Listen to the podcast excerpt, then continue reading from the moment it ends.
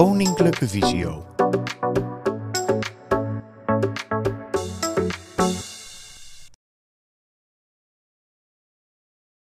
In dit instructiefilmpje laten we zien welke verschillende mogelijkheden er zijn om als je slechtziend of blind bent, samen te lopen met een ziende persoon die je gids of begeleider is. Het kan makkelijk zijn als iemand je even door een drukke omgeving loodst of langs een onbekende, moeilijke situatie.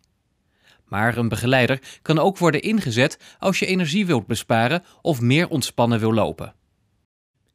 We laten daarom verschillende begeleidingstechnieken zien, met de voor- en nadelen. Dit filmpje is toegankelijk voor iedereen. Het is dus niet nodig om de beelden te zien om de instructie te kunnen volgen. Welke begeleidingstechnieken zijn er? 1. Hand in hand of gearmd lopen. 2. Jouw hand op de schouder van de begeleider. 3. De begeleider loopt voor je uit en jij hebt zijn arm vast bij de elleboog. En 4. De begeleider loopt achter je en heeft jouw arm vast bij de elleboog. Hoe je wil lopen is natuurlijk afhankelijk van met wie je loopt, de situatie waar je gaat lopen en je eigen voorkeur om begeleiding te krijgen. Ook of je daarbij nog gebruik maakt van een herkennings- of taststok is afhankelijk van wat je prettig vindt of wat de situatie vraagt. Wat zijn de voor- en nadelen van de verschillende begeleidingstechnieken? Optie 1. Hand in hand en gearmd lopen. Hierbij loop je naast elkaar en kun je ook nog de herkenningsstok of taststok zelf actief gebruiken. Voordelen? Je kunt als begeleider echt ondersteunen bij het lopen. En er is veel contact mogelijk met elkaar. De nadelen? Je moet elkaar steeds goed vasthouden als je hand in hand loopt en je bent breed. Bij gearmd lopen is je eigen tempo lopen lastig en kan eerder de neiging ontstaan om aan de ander te gaan hangen. Gearmd lopen is niet zo prettig als je iemand niet zo goed kent of als je erg verschilt van lengte. Optie 2. Jouw hand op de schouder van de begeleider. Hierbij leg je één hand losjes op de schouder van de begeleider. Je kunt kiezen voor de linkerhand op de rechterschouder van de begeleider of de rechterhand op de linkerschouder. Je loopt hierdoor half achter de begeleider.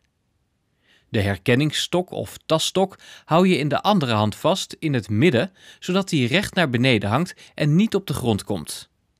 Op deze manier herkenbaar zijn is natuurlijk minder van belang als je bijvoorbeeld in een bos loopt. De voordelen. De begeleider kan goed aanvoelen in welk tempo de slechtziende of blinde persoon wil lopen en zijn tempo hierop aanpassen. Als er een op- of afstap is, een bochtje en dergelijke, merk je aan je begeleider dat die komt. Deze manier is prettig als de begeleider een stuk kleiner is of als je dezelfde lengte hebt. De nadelen. Achter elkaar lopen om door een smalle doorgang of deur te gaan gaat niet zo makkelijk. En voor voldoende veiligheid en zekerheid is het belangrijk dat de begeleider soms extra mondelinge informatie geeft over op- en afstappen en dergelijke. Optie 3. De begeleider loopt schuin voor je en jij hebt zijn arm vast bij de elleboog. Als begeleider kun je met je onderarm naar de hand van de ander gaan, zodat deze jouw arm makkelijk kan vinden. Pak de elleboog van de begeleider vlak boven het gewricht vast, met jouw duim aan de buitenkant. De linkerarm van je begeleider pak je met je rechterhand vast. De rechterarm van je begeleider met je linkerhand. Hierdoor loop je schuin achter de begeleider. De herkenningsstok of tasstok hou je vast in de andere hand in het midden, zodat hij recht naar beneden hangt en niet op de grond komt. Of je laat deze achterwege als de herkenbaarheid niet nodig is.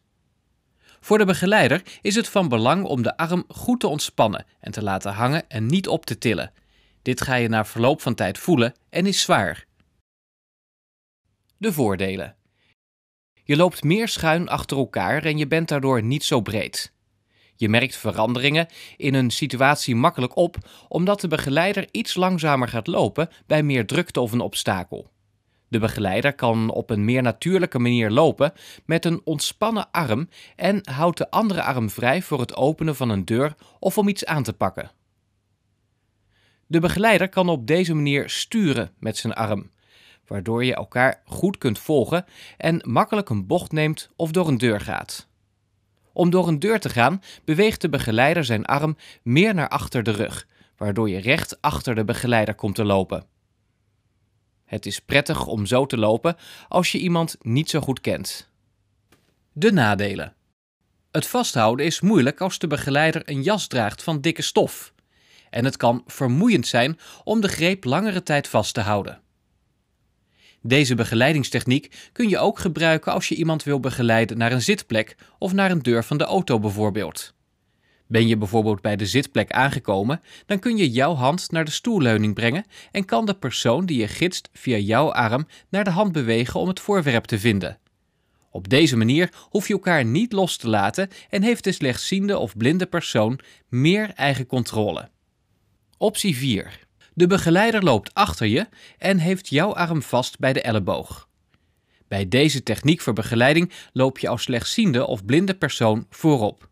Daarbij kun je de herkenningsstok of taststok gebruiken, zoals je die anders ook gebruikt, of kun je hem alleen gebruiken voor herkenbaarheid.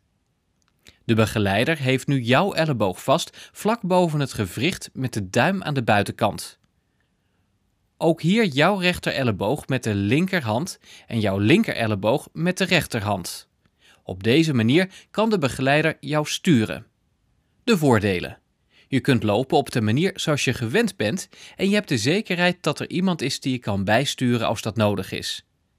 Deze techniek kan makkelijk zijn bij een draaideur, omdat je dan zelf voorop je eigen veiligheid kunt bewaken, eventueel met de stok. De nadelen? Je volgt niet, maar je wordt gestuurd en dat moet je wel prettig vinden. Kan iedereen gebruik maken van een begeleidingstechniek? Wat moet je als slechtziende of blinde persoon kunnen? Je moet actief mee kunnen lopen met iemand met een op elkaar afgestemd tempo en er tegen kunnen dat je geleid wordt en dat iemand voor jou keuzes maakt voor veiligheid bij het oversteken, omzeilen van obstakels en dergelijke. Verder moet je de verbale en non-verbale signalen van de begeleider kunnen oppakken om er goed op te kunnen reageren. Wat moet je ervoor kunnen als begeleider? Het is belangrijk dat je voldoende veiligheid biedt. Hoe kan je dat doen? Van tevoren samen afspreken hoe je gaat begeleiden en wanneer je daarmee begint. Geef waar nodig of prettig is mondelinge informatie over de ondergrond of waar je door een deur gaat bijvoorbeeld, maar ook over de oriëntatie. Stem met de ander af waar hij of zij behoefte aan heeft. Nader trappen, stoepranden, op- en afstapjes en dergelijke onder een hoek van 90 graden. Loop in een rustig tempo. Als begeleider moet je letten op de veiligheid van twee personen tegelijkertijd als er geen tasstok wordt gebruikt. En tot slot moet jij als begeleider het ook prettig vinden om op deze manier te begeleiden.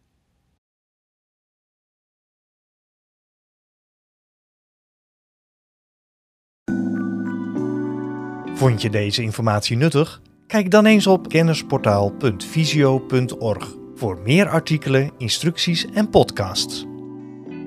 Heb je een vraag? Stuur dan een mail naar kennisportaal.visio.org of bel naar 088 585 5666. Wil je meer weten over de dienstverlening van Koninklijke Visio? Ga dan naar www.visio.org. Koninklijke Visio, expertisecentrum voor slechtziende en blinde mensen.